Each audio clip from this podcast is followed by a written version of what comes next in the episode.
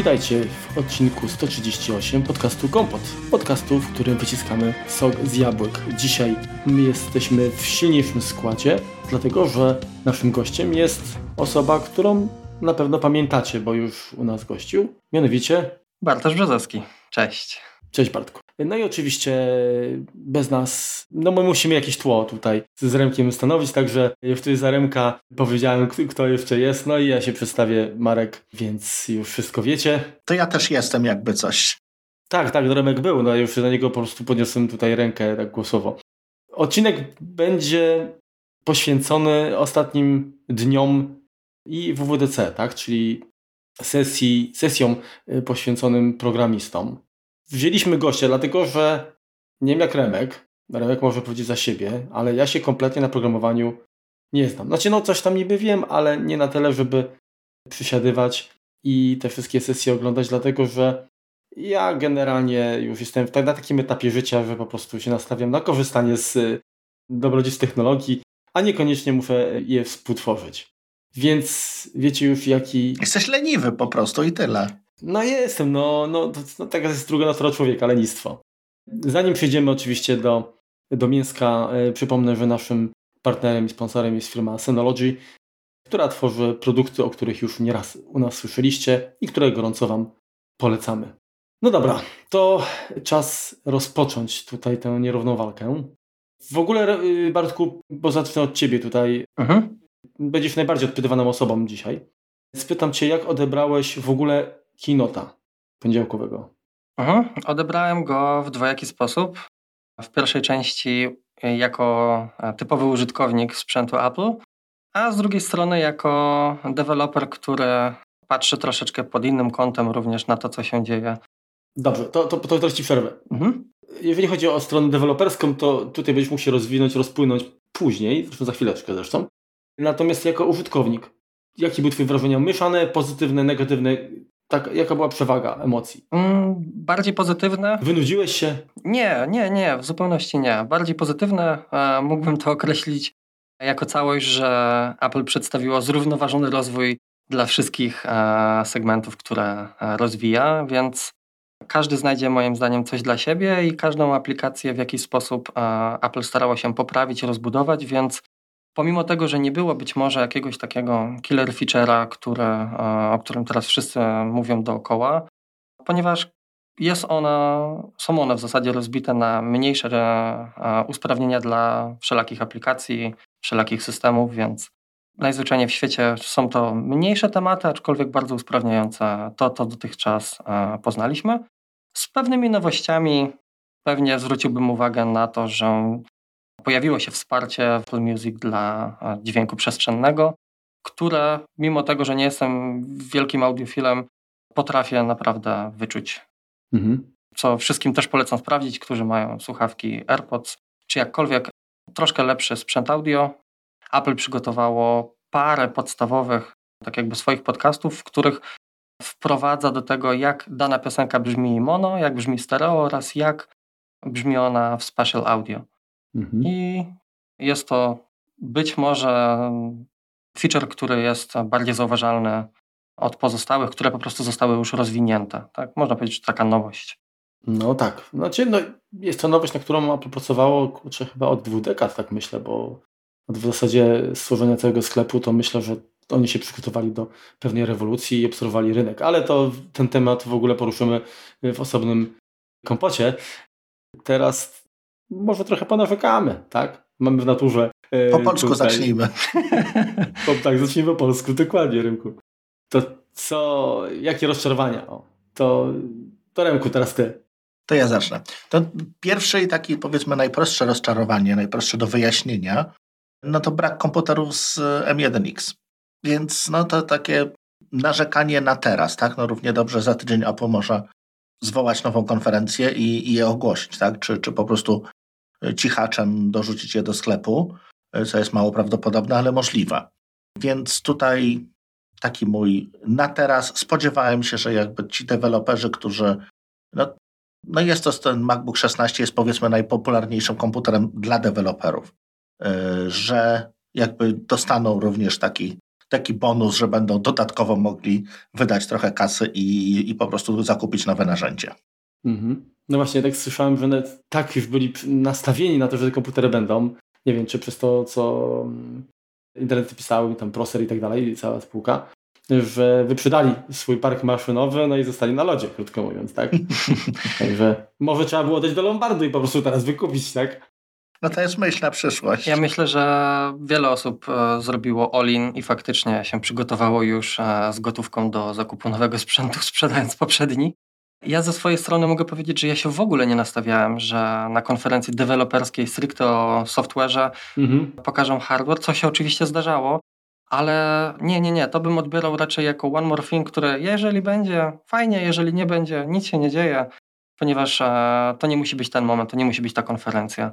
Bardziej bym się spodziewał, żeby zrobili to już właśnie jako osobny event i przedstawili oprócz e, potencjalnej czternastki oraz nowej szesnastki z procesorami, jakkolwiek już są nazywane M1X, również Maci Pro z procesorami od e, Apple Silicon, więc to by było dla mnie e, godne uwagi, tak, żeby zobaczyć, co faktycznie dla prawdziwego świadka programistycznego, czy dla osób, które faktycznie potrzebują najbardziej tej wydajności, jak e, Mac Pro nowy będzie się prezentował jak wykorzysta procesor. I to bym się, faktycznie. To największy znak zapytania, tak naprawdę. Tak, i to bym faktycznie zostawił jako osobną konferencję, żeby no, skupić się na tym mocniej, jakkolwiek poza sesjami, które po prostu były stricte pod deweloperów. Bo można powiedzieć, że WWDC to jest święto deweloperów i jest mhm. oprócz tego pierwszego dnia, w którym oczywiście się dowiadujemy, jakie będą nowe funkcjonalności w systemie iOS, to mimo wszystko kątem oka dewelopera ja to bardziej widzę jako święto dla nas, programistów i software numer jeden. Zgadzam się z Tobą i też uważam, że jeżeli chodzi o nowe komputery, zwłaszcza w nie mówimy tutaj o segmencie Pro, to jest to zdecydowanie za wcześnie. Tak? No, niby już y, od jesieni, tak? Jeżeli dobrze pamiętam, mamy mm, komputery z M1. Tak. Ale no to trzeba brać pod uwagę, że ten okres taki próbny na to, jak rynek przyjmie, jak sprawdzą się aplikacje, jak szybko zareagują deweloperzy z dostosowaniem aplikacji, to jest pewnego rodzaju test i rynek konsumencki jest mniej wybredny niż, niż rynek profesjonalny, tak?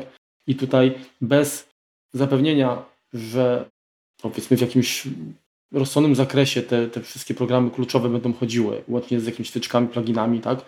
To na pewno nabywcy rozczarowani uderzaliby w Apple, pomimo tego, że nie zawsze byłaby to wina Apple. Tak? No tak. Więc e, tak, tak, tak jest moje zdanie. No tak, ale wiesz co, z drugiej strony te, te nowe funkcje, które teraz zobaczyliśmy, jeżeli chodzi o, o macOSa, część z nich jest dedykowana dla procesorów M1. Mhm. Więc tutaj też myślę, że deweloperzy chętnie by jakiś hardware zobaczyli. A ty je powiedz, na co byś, e, na co byś ponarzekał? To znaczy, to może Bartek, bo Bartek tylko się wypowiedział odnośnie komputerów, a jeszcze nie powiedział... Tak, tak. Ja, w zasadzie, ja w zasadzie się odniosłem do Remka wypowiedzi, to pozwólcie, że ja wrzucę, jakie ja zauważyłem rozczarowania. W zasadzie w mojej głowie są dwa. Jedno jest e, jako właśnie typowy użytkownik, drugie jako programista. Zacznę od tego jako typowy użytkownik. Najzwyczajniej w świecie brakuje mi Siri po polsku. Ja wiem, że ten temat jest już wałkowany od prawie 10 lat i co roku e, możemy się zawodzić z tego samego powodu. Aczkolwiek w tym roku dotknęło mnie to dużo mocniej, bo nabyłem swój pierwszy samochód, e, który wspiera CarPlay i nie miałem kompletnie świadomości, że wiadomości, które są w stanie tak jakby obsłużyć poprzez CarPlay, nie są w postaci tekstu. To jest nic innego jak podyktowanie tego, co ktoś do mnie napisał e, przez Siri.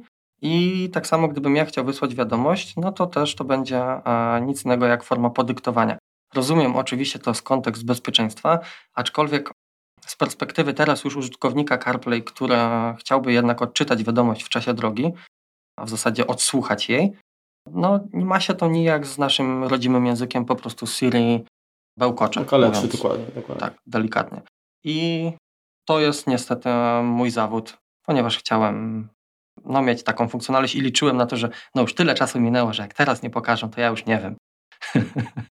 Także poczekamy prawdopodobnie jeszcze trochę. Jak y, pewnie gdzieś na statystyki wykażą, że większość y, naszego polskiego środowiska posiada komputery z M1, które już być może będą lepiej sobie radziły e, ze skomplikowanym językiem polskim.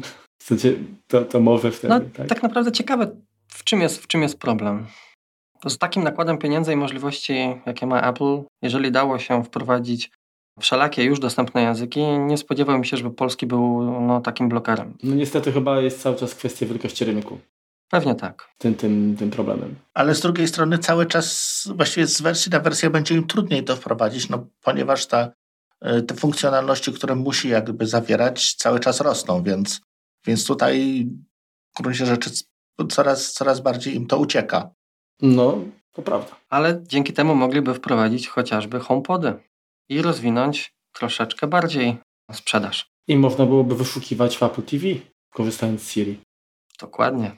No właśnie, to teraz jeżeli chodzi o, o, o jedną z rzeczy, która e, mnie tutaj rozczarowała, no to to, że nic się nie zmieniło, jeżeli chodzi o tvOS-a, tak, na chwilę obecną. Nadal w wersji 14.6 e, konta użytkowników są no, takimi właściwie profilami, tylko które, których mogłoby równie dobrze nie być, bo poza usługami Apple właściwie nic nie jest odseparowane.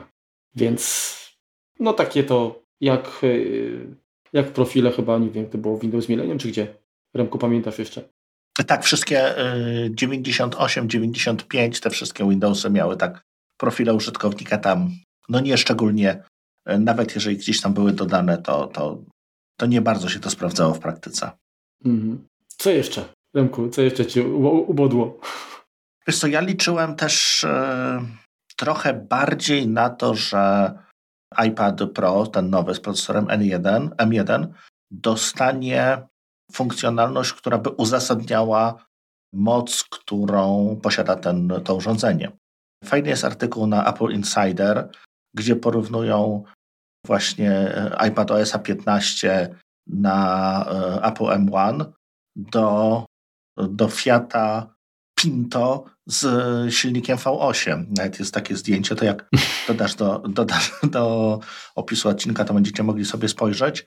No bo tak, mamy super, super maszynę, super wydajną, ale dalej Thunderbolt no jest, bo jest, tak? Nie ma jakby tutaj czegoś, co by uzasadniało tą prędkość. Obsługa ekranu dodatkowego, no jest. No i co z tego, skoro dalej nie jest to niezależny ekran? Więc tutaj spodziewałem się jakiegoś takiego rzeczywiście, mówiąc brzydko, mm, jeśli chodzi o, o iPada, że, że będzie, że po prostu tutaj 120% normy na zasadzie pokazujemy, co, co możemy, a te nowości, które dostaliśmy, to, to taka troszeczkę kosmetyka tak naprawdę. Wygodna, y, ułatwiająca życie i tak dalej, i tak dalej, ale brakuje mi takiego, wiesz, takiego walnięcia właśnie. Mhm. Ja myślę, że Apple lubi nam serwować pomalutku, małą rzeczką, że tak powiem, ten rozwój i software'owy, i hardware'owy, także może, być może z tego to wynika, że... Ale myślisz, że się nie wypróć... czy za rok? Proszę? Mid-cycle czy za rok? Nie, bardziej oczywiście za rok. Jeżeli już jakaś większa zmiana, to będą z roku na rok, żeby się nie wypróć za wcześnie z e, możliwości, jakie chcą zaprezentować na przestrzeni nie wiem, dekady. Więc a, gdyby naprawdę zrobili sprzęt które, no nie wiem, wyprzedzało 5 lat, do 10 nawet aktualne sprzęty, no to mogłoby się okazać, że co my będziemy kupować za rok, dwa, trzy. Tak, a tak to powolutku, małą rzeczką dostajemy rozwój. No właśnie pytanie, jak to teraz będzie się rozwijało, bo generalnie sprzęt jest mocno do przodu wyskoczył i ciężko będzie chyba, znaczy no, no nie wiem, może, może nowe silikony są na tyle lepsze, że napędzą jakby dalszą sprzedaż, tak? Ale pytanie, czy to nie jest znowu jakaś taka, takie błędne koło, tak? Bo generalnie kiedyś było tak, że ten sprzęt był yy, przez długi czas w użyciu i optymalizowało się programowanie, pojawiały się jakby nowe opcje. Później nastąpiło taki, nastąpiło takie przyspieszenie, coraz więcej tych komputerów y, się pojawiało, coraz szybsze zmiany, dodatki i tak dalej. I pytanie, czy y, Apple gdzieś nie zabędzie się w kozi no bo gdzieś ten, to przyspieszanie, ta, ta, ta wydajność, to zwiększanie rdzeni i tak dalej, no to też ona może gdzieś tam się skończyć, być no, trudne w realizacji. Tak? Oczywiście można później walczyć z tym, że dobra, macie komputer, który jest tylko 10% szybszy, ale pracuje dwa razy dłużej na baterii i to już będzie na pewno argumentem do, dla, dla, klient, dla wielu klientów. Tak? ale właśnie ciekawi mnie to, w jakim kierunku to pójdzie, bo w tej chwili jest tak, że ten soft, to już zresztą Remku stwierdziłeś chyba w poprzednich podcastach, że oprogramowanie nie nadąża teraz, tak? że jest, zostało w tyle. I to nie I tylko jest... Apple, to wiele, wiele, wiele firm to jest tak, że hardware jeszcze wychodzi w miarę, w miarę ok, natomiast z softwarem no niestety trzeba czekać. Bo teraz tak, jeżeli pojawią się nowe komputery, które będą się niewiele różniły, nie, niewiele jakby wniosą, to ciężko będzie przekonać do ich, do ich zakupu w sytuacji, kiedy każda nowa wersja e, systemu pozwoli lepiej wykorzystać to, co do, do tej pory posiadamy, tak? No nie wiem, jest to, jest to dosyć taka, taka ciekawa sytuacja. Bartku, jak, jak, jak ty uważasz i w jakim kierunku to pójdzie? Ja w zasadzie bym odniósł się do tego, co się aktualnie dzieje z Intelem. Przecież Intel od, nie wiem, pięciu lat wstecz niespecjalnie pokazuje wzrost wydajności dwu, trzykrotny, a więc to są małe skoki. I jakoś do tej pory, nie wiem, nie, nie, nie zauważyłem, żeby MacBooki się sprzedawały na przykład z Intelem gorzej, ponieważ przeskok z roku na rok był tylko 10-15%. Więc gdzie, gdzie się nie dało... Tylko wiesz, tylko że to mhm. dotyczyło całego rynku, tak? Jeżeli Intel nie, nie dowoził e, nic lepszego, to wszystkie komputery były na tym samym poziomie, na tym samym etapie. No nie, nie, nie. E, AMD zaczął tak naprawdę gonić w pewnym momencie, więc e, miał konkurenta na plecach cały czas, więc pod tym kątem uważam, że to już się mogło zadziać właśnie chociażby na przykładzie Intela i Apple, jeżeli w momencie dojdzie do takiego etapu, w którym faktycznie Apple Silicon nie będzie w stanie mm, rzucać nam dwu, trzech cyfrowych wartości wzrostu, a może trzycyfrowych to za dużo powiedziane, ale no nie wiem, strzelam, 50% mm, z roku, rok do roku wzrostu wydajności, to najzwyczajniej będzie nadrabiał marketingiem i tym, jak e, poprawił obsługiwanie tego. Tak jak wspomniałeś, wydłuży się czas pracy na baterii, będzie lepsze zarządzanie tym procesorem dla podzespołów komputera. Być może w którymś momencie zaskoczy nas e, Apple, na co bardzo liczę, wbudowaną kartą eSIM, co architektonicznie jest już pewnie banalne do zaimplementowania z racji tego, że czym się za niedługo będzie różnił e, hardware w iPadzie od e, MacBooka mhm. potencjalnie, więc są jeszcze na pewno wyjścia takie, żeby nie pokazując e, skoku wydajności nadal nas zachęcać do zmiany sprzętu. Poza tym zawsze można przyspieszyć wejście, wyjście, tak? Dysk można przyspieszyć, można dodać więcej pamięci, szybszą pamięć. No tutaj to nie zawsze musi być procesor, no bo tak jak tak jak mówisz, to zgadza się, to przez ostatnie lata to te przyrosty, jeśli chodzi o, o, o x86, to było tam z rzędu 5% rocznie. No to już jest taka kosmetyka, trochę, troszeczkę się robi, ale z drugiej strony wydajność SSD bardzo mocno odjechała, wydajność kart graficznych też poszła bardzo, bardzo wysoko, więc te systemy, mimo że procesor e, przestał być znacząco szybszy, to jako całość jednak to była duża różnica. Mhm. Widząc, widząc to, co się dzieje na rynku kryptowalut, można powiedzieć, że cieszmy, cieszmy się, że mamy tak coraz bardziej wydajne, zintegrowane karty graficzne. Zgadza się. Ponieważ kupno nowej karty do PC-ta no już jest absurdalne w pewnych sytuacjach. To fakt. Co jeszcze, y, Bartku, y, uważasz, że mogło być lepiej zrealizowane? Albo co Cię rozczarowało? No to może teraz powiem, jak ja to widzę pod kątem dewelopera, co mogłoby być lepsze mm, albo lepiej e, wprowadzone. Ja w zasadzie od trzech lat zauważam, że wszystkie nowe rozwiązania, które są wprowadzane, czy nowe biblioteki, czy jakkolwiek nowa składnia, nowe API, są dostępne tylko i wyłącznie na tym systemie, który jest aktualnie wydawane. Co powoduje, że jeżeli Podczas aktualnego WWDC 2021 zostały zaprezentowane nowe feature, powiem teraz trochę z żargonu mojej pracy, ale takie jak na przykład asynchroniczne programowanie, odbieranie tak jakby eventów w sposób asynchroniczny, czy nowe rozwiązania dla konkurencyjności, jeżeli chodzi o obsługę, no po prostu rzeczy, które się dzieją w czasie programowania no może się okazać, że ja do nich e, zacznę dopiero podchodzić poważniej za 2-3 lata, ponieważ nie mogę sobie pozwolić na to, żeby już teraz e, ograniczyć swoją aplikację tylko do tego, żeby wspierała wersję iOS 15.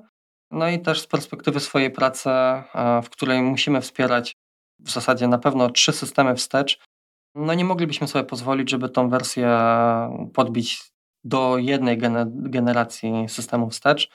a implementacja kodu, w którym musimy mocno rozdzielać, co powinno e, się wydarzyć w czasie, gdy użytkownik ma zainstalowany najnowszy system, a co ma się wydarzyć w sytuacji, gdy jest e, poprzedni system albo poprzednie jeszcze jakieś wcześniejsze wersje, no, spowodowałoby, że koszt naszej pracy i czas pracy, w którym wykonywalibyśmy nowe e, funkcjonalności chociażby, czy rozwój jakkolwiek ogólnie, trwałby wieki i kosztowałby krocie. Mm, to taki trochę strzał w kolano. Tak, i czasami oczywiście można powiedzieć, no dobrze, Swift UI to było coś totalnie nowego, trzeba było trochę poczekać, żeby faktycznie zmienić całkowite podejście w programowaniu i wypiąć się z programowania na bibliotekach UIKit, chociażby w przypadku aplikacji mobilnych. Aczkolwiek no teraz po dwóch latach dopiero można powiedzieć, że jestem w stanie cokolwiek e, zacząć pracować e, na poważnie w swoim zawodzie właśnie ze SwiftUI.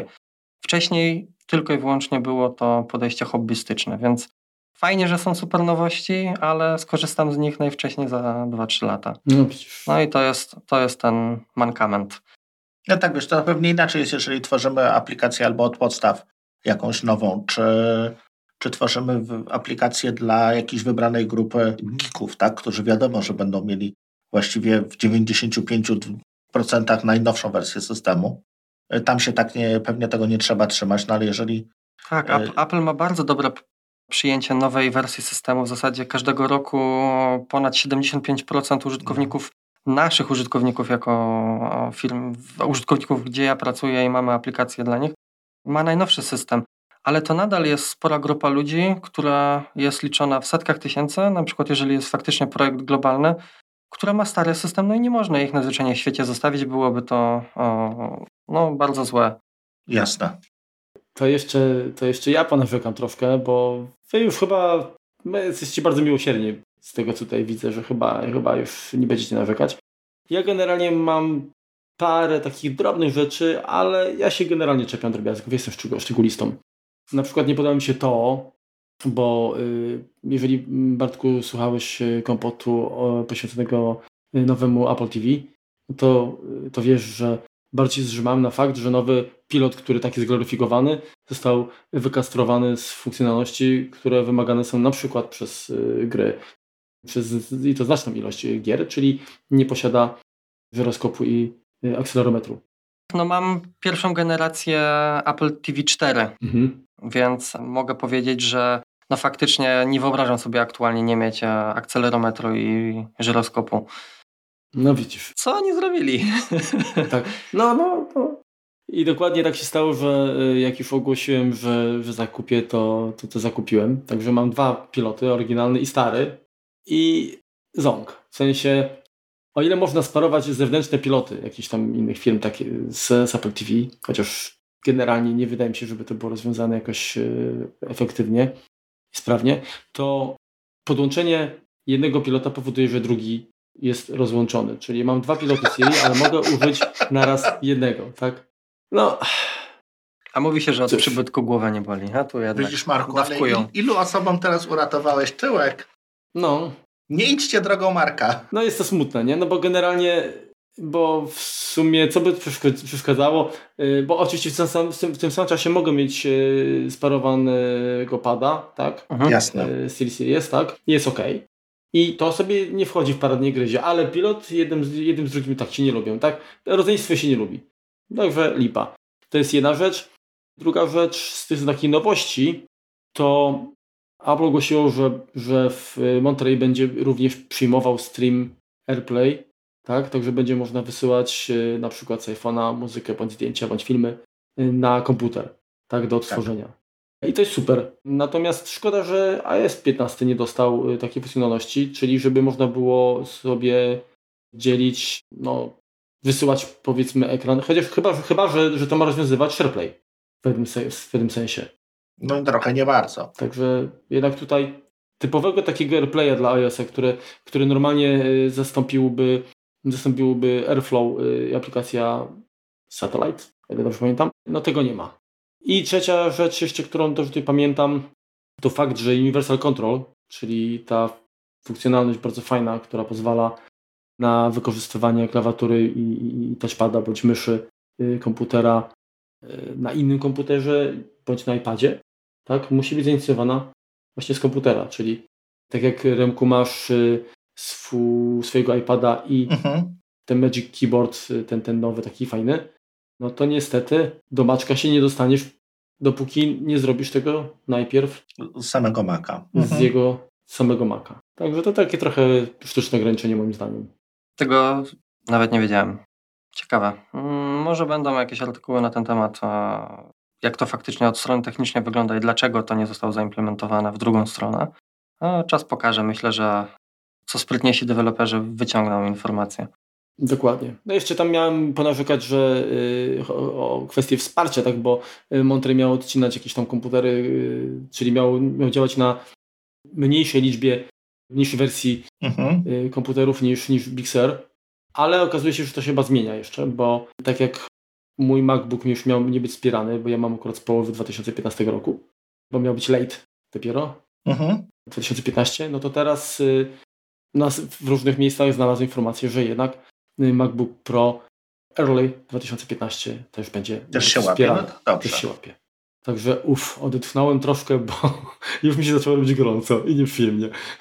Znaczy, to ja, ja, rozumiem, że co jakiś czas trzeba odcinać, no ten komputer już ma swoje lata, tak? Ale y, często jest tak, że jak patrzymy w ogóle na, na różne modele, się okazuje, że Mac Mini z 2014, które ma y, gorsze bebechy byłby wspierany, a na przykład już MacBook Pro nie. I to trochę takie. Jest to gorsze bebechy, gorsze bebechy to bardzo często jest GPU, który jest zintegrowany, więc często ten Mac e, niby nominalnie słabszy ma może też nie super szybkie, natomiast nowszej generacji zintegrowane GPU i dlatego, dlatego dostaje wsparcie. No tak, ale mój ma Integrę i ma dedykowany, tak? Więc no ale nie mogą ci obciąć tak, że tylko ci na dedykowanej zaczyna chodzić. Musi również Integrę wspierać.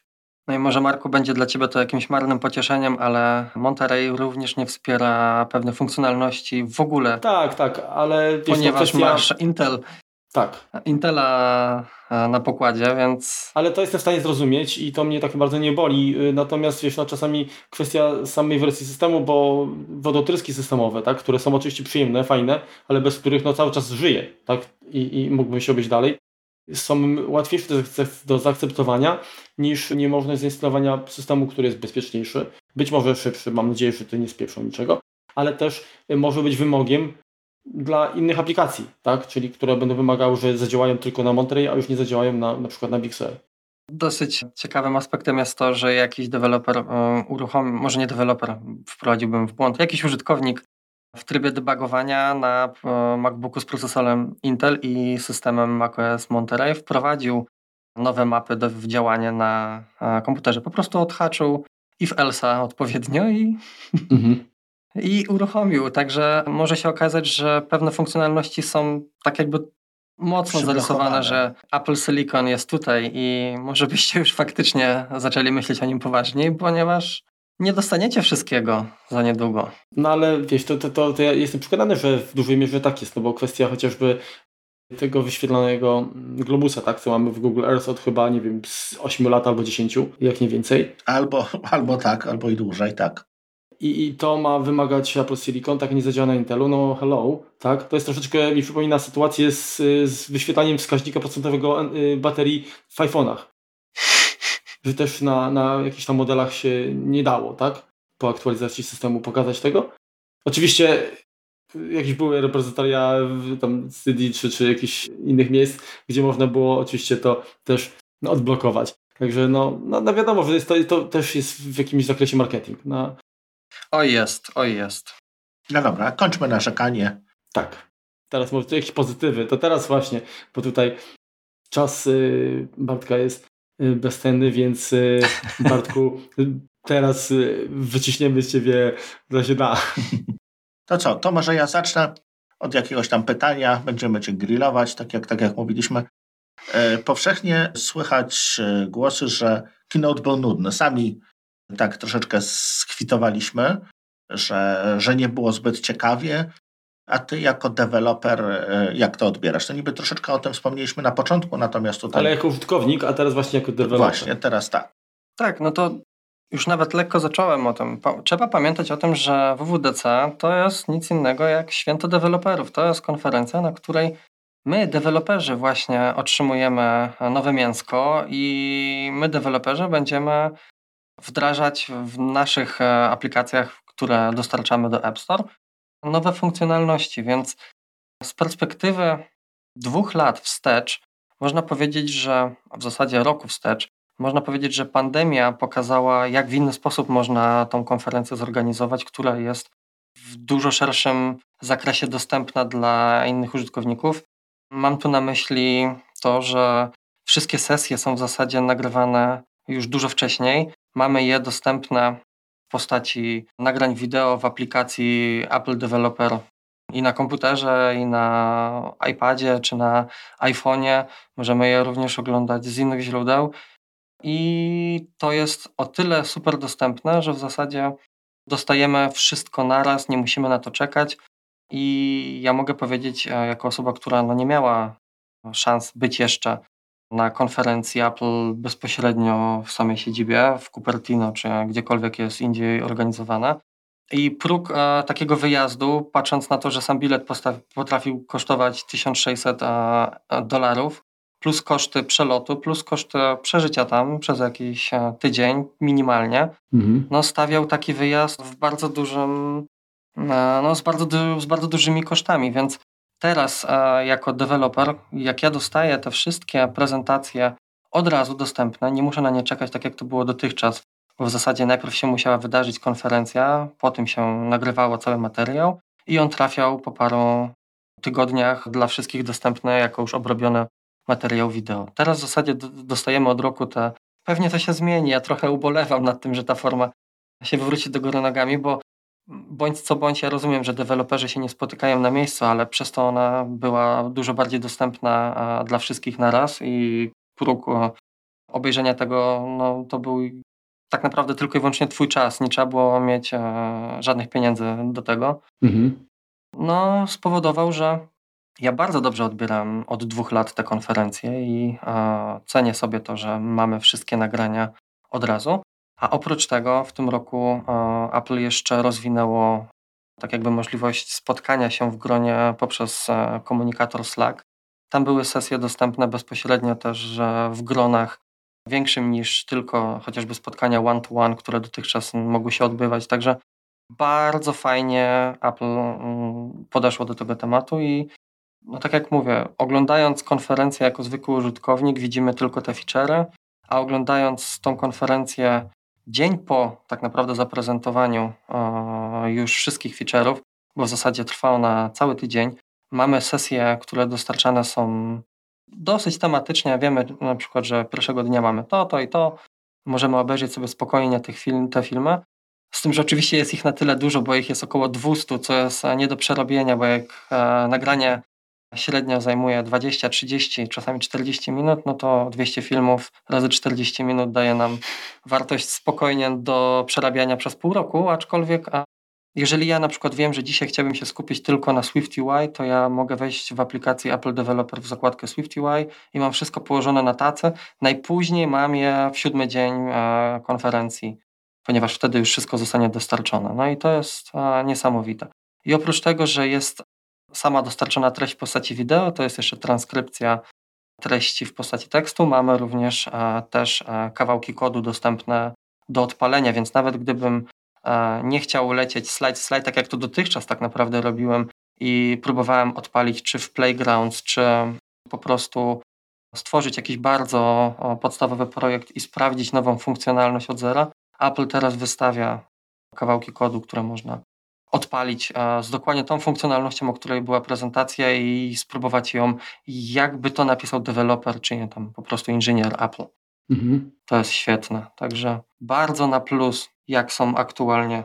To faktycznie, a, a powiedz, y, jak już jest, jesteśmy przy tej mnogości filmów i, i różnej y, tematyce, to w tym tygodniu właściwie, który, który minął, rozumiem, że mocno podekscytowany, trochę czasu poświęciłeś na przeglądanie tych filmów. To skupiłeś się na, na jakich aspektach? Co najbardziej Cię zainteresowało? Pierwszy film, jaki obejrzałem, to było Co nowego w Swift. To jest w zasadzie już co roku wydawany film, w którym dowiadujemy się, co, jaki nowy numerek, w tym momencie mamy aktualnie Swift 5.5, jakie nowe składnie będą dostępne, jak są rozwiązane nowe sprawy właśnie bezpośrednio już związane z językiem Swift. To był w zasadzie pierwszy film, który obejrzałem, on trwał około 30 minut. To poczekaj, to ja Ci od razu przerwę. E, mhm. A jak to wygląda, bo Swift jest otwarty, tak? Czyli on jest gdzieś tam na GitHubie dostępny i jakieś te komity chyba widać, tak? Czyli to można się... Jak to właśnie wygląda? Ty śledziłeś, jak to, jak to się rozwija? Czy to jest w ten sposób, że co jakiś czas Apple po prostu zamraża tą wersję i wypuszcza ją jako z konkretnym numerkiem, czy, czy, czy, nie, nie, czy jakoś nie. Zdecydowanie inaczej? jest to żyjący organizm, który nie tylko o, tworzą inżynierowie Apple, ale w dużym stopniu rozwijają społeczność, która programuje właśnie w Swift. Apple ma swoją stronę internetową swift.org, na której można przede wszystkim od A do Z przeczytać, jak zacząć pracę w Swift, jak się pracuje ze Swiftem oraz są dostępne fora, jest dostępne, tak jak wspomniałeś, repozytorium GitHub, na którym można raz, że pobierać wersje, które jeszcze w ogóle nie są dostępne oficjalnie, tylko są w fazie testów, rozwijania, a oprócz tego deweloperzy mają możliwość prezentowania swoich rozwiązań, które fajnie rozwijają według nich e, dany język, daną, dany problem powiedzmy. Jasne. I jest jakieś określone grono inżynierów Apple, które je na forum moderuje i zatwierdza. No i Apple w zasadzie nawet na konferencji tej pierwszej, na której wspomniało o nowych funkcjonalnościach systemu, zaprezentowało też informację, że wiele z funkcjonalności dodanych właśnie do Swift zostało dostarczonych tak naprawdę przez użytkowników, którzy tworzą tą całą społeczność. Ja zapamiętałem z konferencji coś takiego jak Swift Collections i to jest zbiór wszelakich ojej, jak to wytłumaczyć, tak żeby to było przystępne do zrozumienia. Algorytmy, które użytkownicy napisali tak, aby ułatwić pracę e, innym deweloperom, więc na przykład możemy powiedzieć, że... Jakieś tam funkcjonalności. Jeżeli, no, prosty, prosty, prosty przykład. Jeżeli mamy na przykład zbiór, w którym są trzy elementy, możemy je przefiltrować w sposób, który będzie dużo bardziej wygodny dla całej składni języka systemu Swift i mhm. to oczywiście jest bardzo trywialny przykład, ale tych e, różnych metod, algorytmów, które zostały zaprezentowane, wdrożone było sporo i Apple się wręcz tym pochwaliło właśnie na tej konferencji, więc społeczność jest super. Ja mogę powiedzieć, że siedzę dużo na Twitterze i staram się śledzić właśnie perełki, jeżeli chodzi o deweloperów iOS i, i widać, że mocno ingerują właśnie w rozwój języka, także jest to super sprawa. To teraz jeszcze tak Cię spytam, bo Twoje doświadczenie wykracza poza e, Swift. Czy według Ciebie to, co Apple oferuje, to, środowisko programistyczne, cała ta platforma jest wiodąca na rynku, czy je, jest coś lepszego na chwilę obecną? Ja jako mobilny deweloper e, stykam się tak naprawdę jeszcze z Android e, deweloperami. To jest e, środowisko, w którym też zdarza mi się e, przeglądać kod, ewentualnie go nadpisywać. Raczej nie tworzę e, na Androida, aczkolwiek jestem w stanie coś tam podłubać i faktycznie Kotlin jest językiem, który jest e, w bardzo przystępny sposób też podany dla deweloperów Android i jest on moim zdaniem bardzo podobny do Swift. W zasadzie w wielu przypadkach można skopiować e, jakąś metodę z jednej do drugiej, z jednego Aż świadka tak. do drugiego świadka i tak naprawdę zmienić e, składnie, żeby... Te funkcje po prostu. Tak, tak, tak, tak. Mhm. I tyle. Także e, widać, że te języki e, rozwijają się teraz najlepiej. W zasadzie wszystko to, co w naszej aplikacji rozwijamy jako nowe implementacje, zawsze są już napisane w Swift oraz e, w Kotlin. Mhm.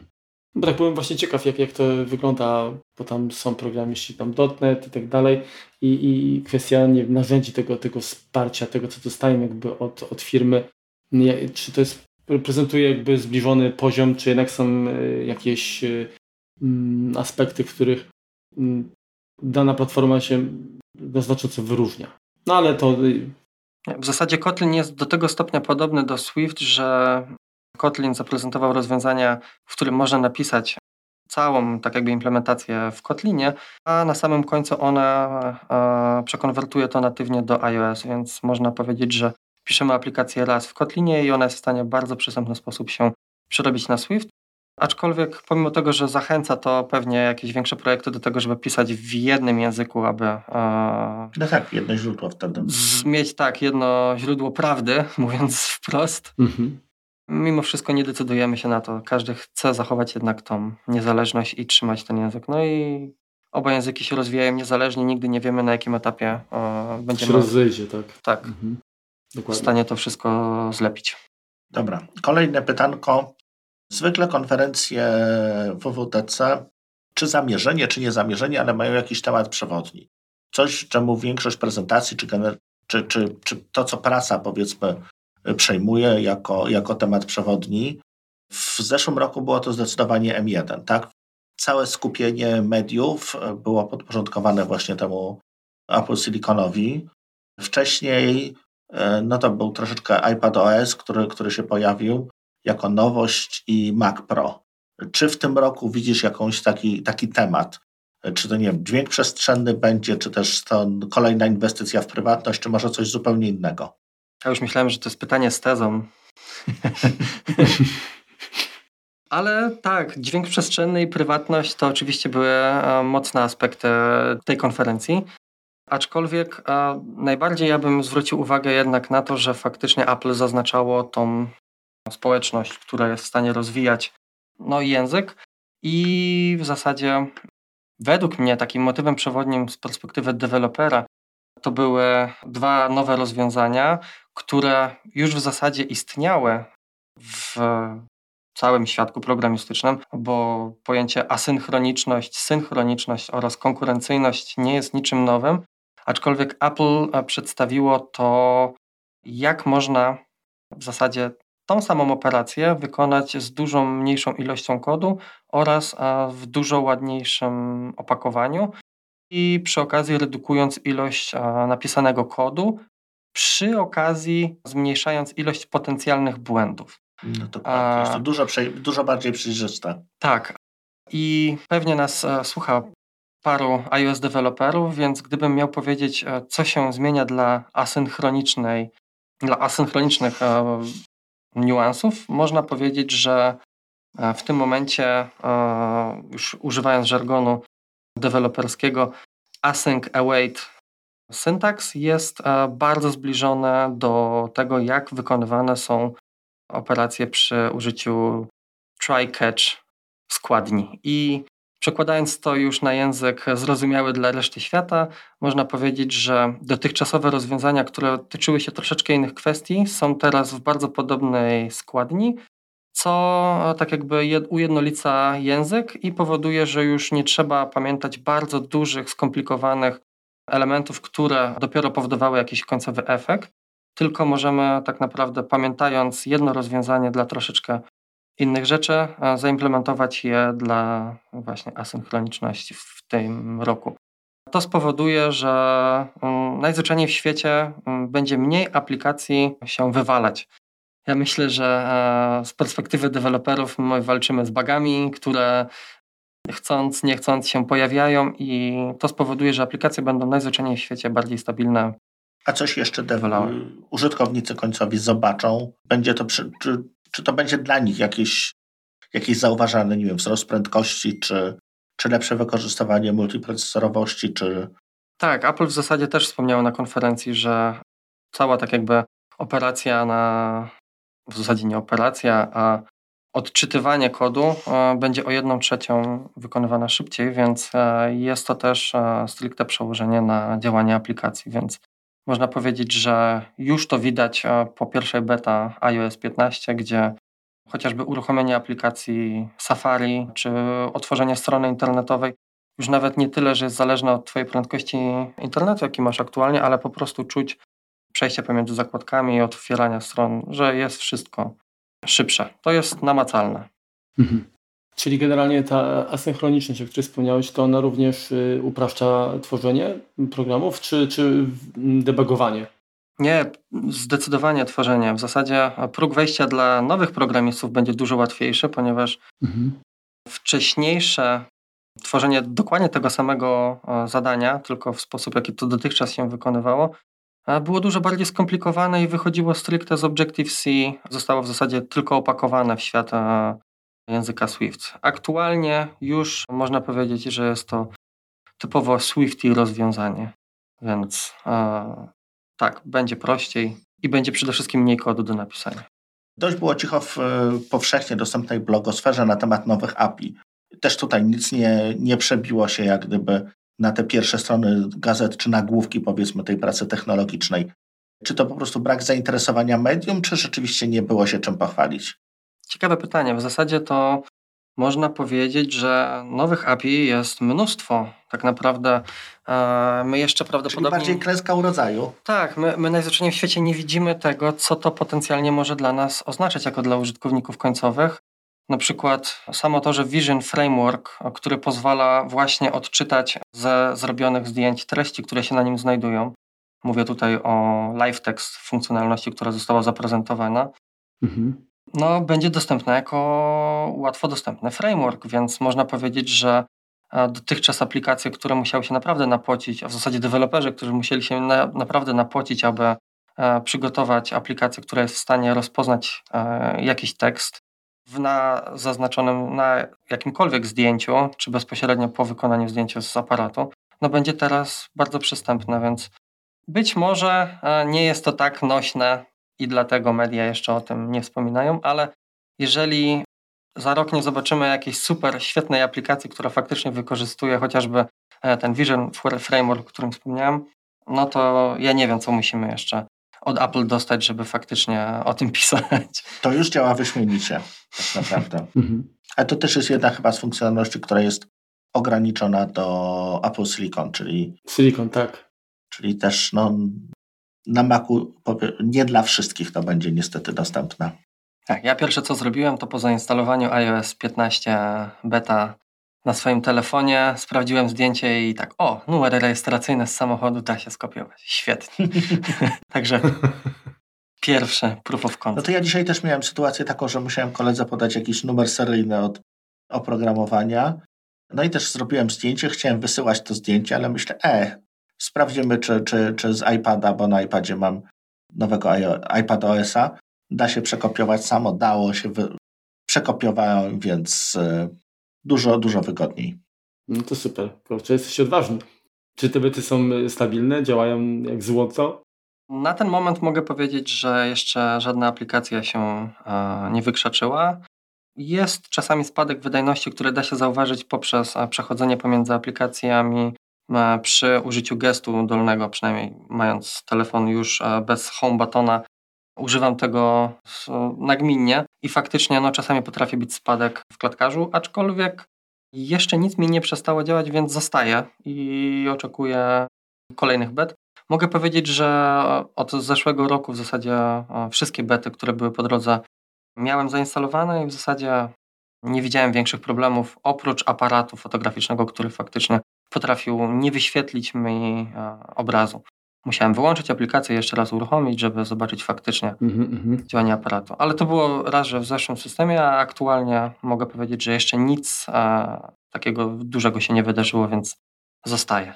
Aczkolwiek e, naszym słuchaczom proponuję zaczekać do pierwszej publicznej wersji, która faktycznie no powinna być a, stabilniejsza. A ja bym nawet poczekał do wersji pełnej na produkcyjnej. Też tak można, aczkolwiek no, Apple kusi już to, że te wersje publiczne są tak no, szeroko dostępne, to już jest. No takie zielone światło, nie? No tak, już, tak. jak coś nie może się doczekać, to, to wtedy no, ryzyko zawsze jest ale to generalnie przy oficjalnych wersjach też może coś tam się nie udać, prawda? No, zgadza się. Pewnie, że tak. Mnie to bardziej jakby mierdzi fakt, że jednak jak jest beta, no to gdzieś tam są mechanizmy działające w tle, które no z racji, że to jest beta, one muszą tam być włączone. No tego chodu debugującego zawsze no. troszeczkę tam jest, no dlatego to działa zawsze wolniej, tak jak Bartek wspomniał. Dobrze. Bartoszu, bo tak tutaj się Bartoszu, Bartku, jak leci? Takie pytanie. Co według Ciebie praktyce może zmienić no jedna z nowości zaprezentowanych właśnie na Kinacie, czyli Xcode Cloud. Okej, okay, no jest to zupełna nowość. W zasadzie rzecz, której się kompletnie nie spodziewałem, e, że Apple zaprezentuje. I ja się z niej cieszę. Co prawda nie znam jeszcze cen, jak, jakie, mhm. ale może przybliżając bliżej użytkownikom, czym będzie Xcode Cloud, no to przede wszystkim Xcode jest środowiskiem, w którym się programuje. Jest to najzwyczajniej w świecie program, w którym tworzy się programy chociażby na iOS. I Xcode Cloud jest tak jakby rozszerzeniem tego, że jeżeli ja jako deweloper napiszę aplikację i będę chciał ją wrzucić do sklepu, ale w międzyczasie aplikacja powinna zostać przetestowana i jeżeli mówimy już o dużych projektach, aplikacja przed wrzuceniem do sklepu mm, przechodzi powiedzmy, strzelam, 5000 testów, unit mhm. testów, czy jakkolwiek UI testów, czy innych, które są napisane, tak aby aplikacja zawsze sprawdzała, czy ktoś inny nie zepsuł czegoś podczas e, tworzenia nowej funkcjonalności, zabiera nam czas. Więc Xcode Cloud ma za zadanie nam po prostu e, ten czas zaoszczędzić. Możemy przygotować taką aplikację do wysłania na serwery Apple i one już na serwerach Apple będą się testować i przygotowywać cokolwiek to oznacza, bo to może być e, bardzo rozległy proces. Może na przykład być potrzeba stworzenia takiego skryptu, który będzie tworzył obrazki czy teksty dla każdej nowej wersji aplikacji dostępnej w sklepie, na przykład dla, strzelam, 15 języków i możemy to na tyle zmechanizować, żeby ten proces już e, nie robić ręcznie, tylko robił to za nas właśnie Xcode Cloud. I takie rozwiązania dotychczas istniały u zewnętrznych e, firm. Mm, my w firmie akurat korzystamy z tego. Jest to określane jako Continuous Integration. I teraz Apple taki swój Continuous Integration proces proponuje dla użytkowników, oczywiście odpłatnie. Mogę powiedzieć, że na pewno sporą różnicą będzie praca na najnowszych, w zasadzie budowanie naszych projektów na serwerach Apple, na najnowszych komputerach, co bardzo zmniejszy czas e, tworzenia takich nowych e, wersji. I to ma ogromne znaczenie. Ja mogę powiedzieć po naszej e, aplikacji, nad którą pracujemy, że średnio tak jakby czas, który jest potrzebny, aby każdą wersję aplikacji, którą jeden z powiedzmy 50 deweloperów wyrzuca, zanim jego kod zostanie wrzucony do głównego repozytorium, jest przez około 45 minut właśnie na serwerach mielone, mówiąc wprost. I, A to jest kompilacja jego, czy? Tak, to jest od początku kompilacja. Jeżeli są jakiekolwiek skrypt, my na przykład mamy pobierane wersje językowe dla różnych e, Jasne. krajów w locie, więc nie trzymamy tak jakby samych tekstów bezpośrednio w aplikacji, tylko to się dzieje gdzieś tam w zautomatyzowany sposób. Mhm.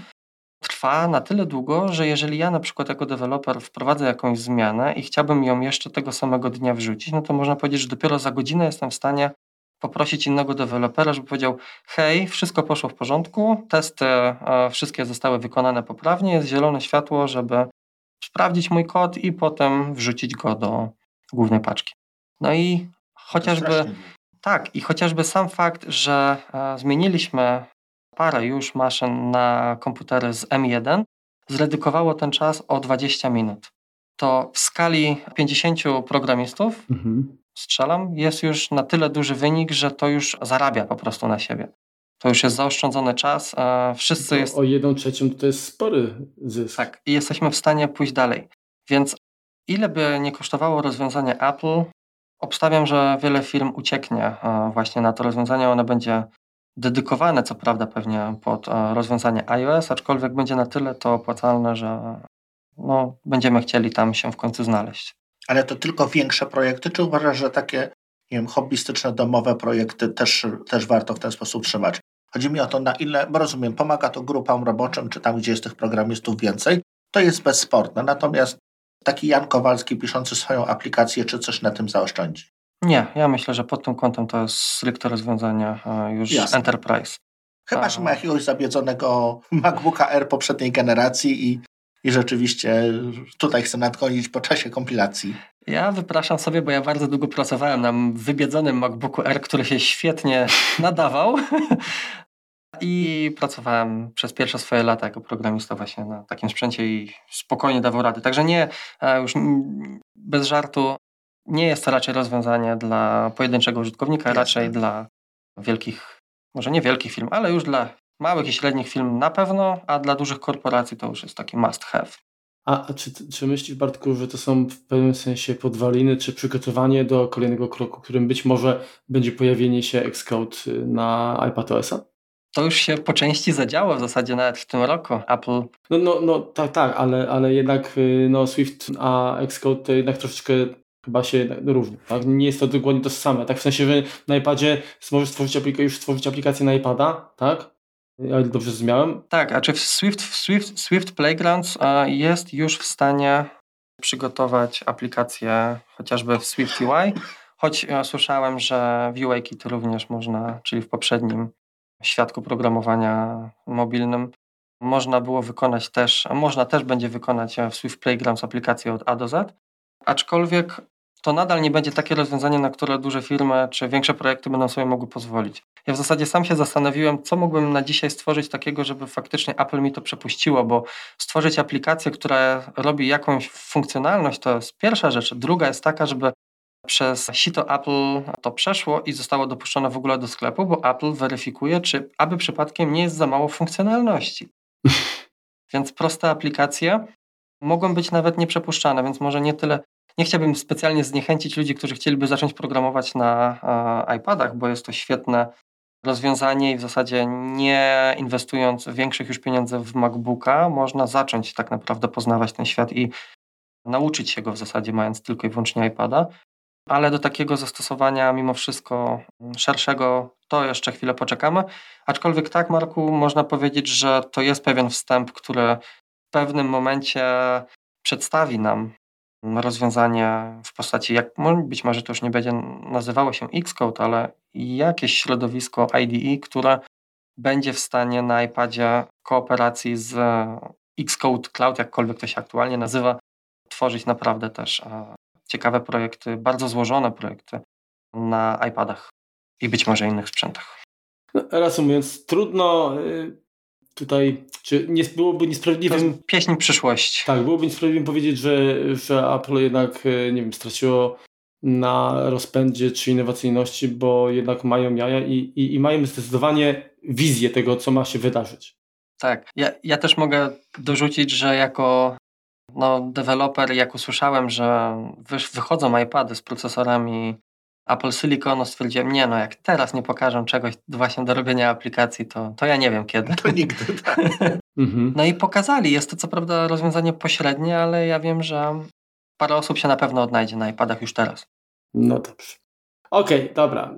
W zasadzie chyba Cię już tam wycisnęliśmy troszkę, ale zostało tak na, na osłodę bo na początku narzekaliśmy, to stwierdziliśmy, że pod koniec y, trochę może wymienimy spostrzeżenia. Posłodzimy. Tak, które y, są, mają dużo bardziej pozytywny wydźwięk, tak? Czyli zwrócimy uwagę na, na te funkcjonalności, te rzeczy, te nowości, które y, najbardziej nam się spodobały spośród tych, które zostały zaprezentowane w, w zeszłym tygodniu. To teraz Remku Ciebie wezmę, bo tutaj jak się oparłeś prawie tu zaśniesz zaraz. No.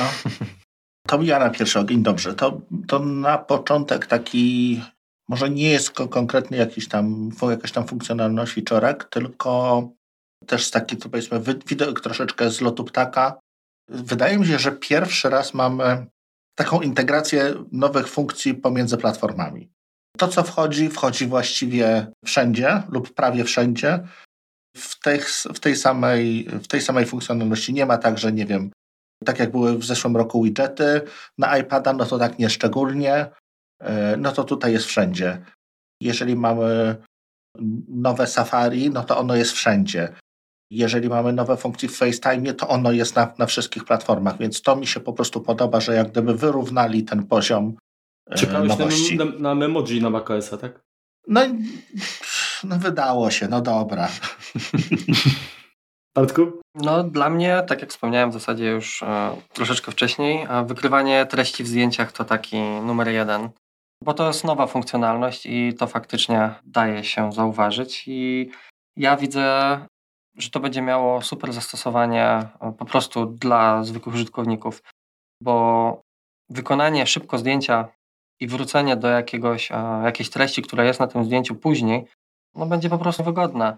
Wielu ludzi w zasadzie zbiera informacje poprzez zdjęcia, które sobie zapisuje i później do nich wraca. Mhm. I jak teraz już nie będzie musiało chociażby mm, adresu e-mail czy numeru telefonu przepisywać, zapamiętywać i szybko, i szybko wpisywać ze zdjęć, będzie w stanie je zaznaczyć i w zasadzie sam system zasugeruje, że jeżeli to było, jeżeli to był numer telefonu, to po prostu wybierz i zadzwoń, jeżeli to był adres Czyli e-mail. Czyli selektor w tym momencie zadziała? Tak.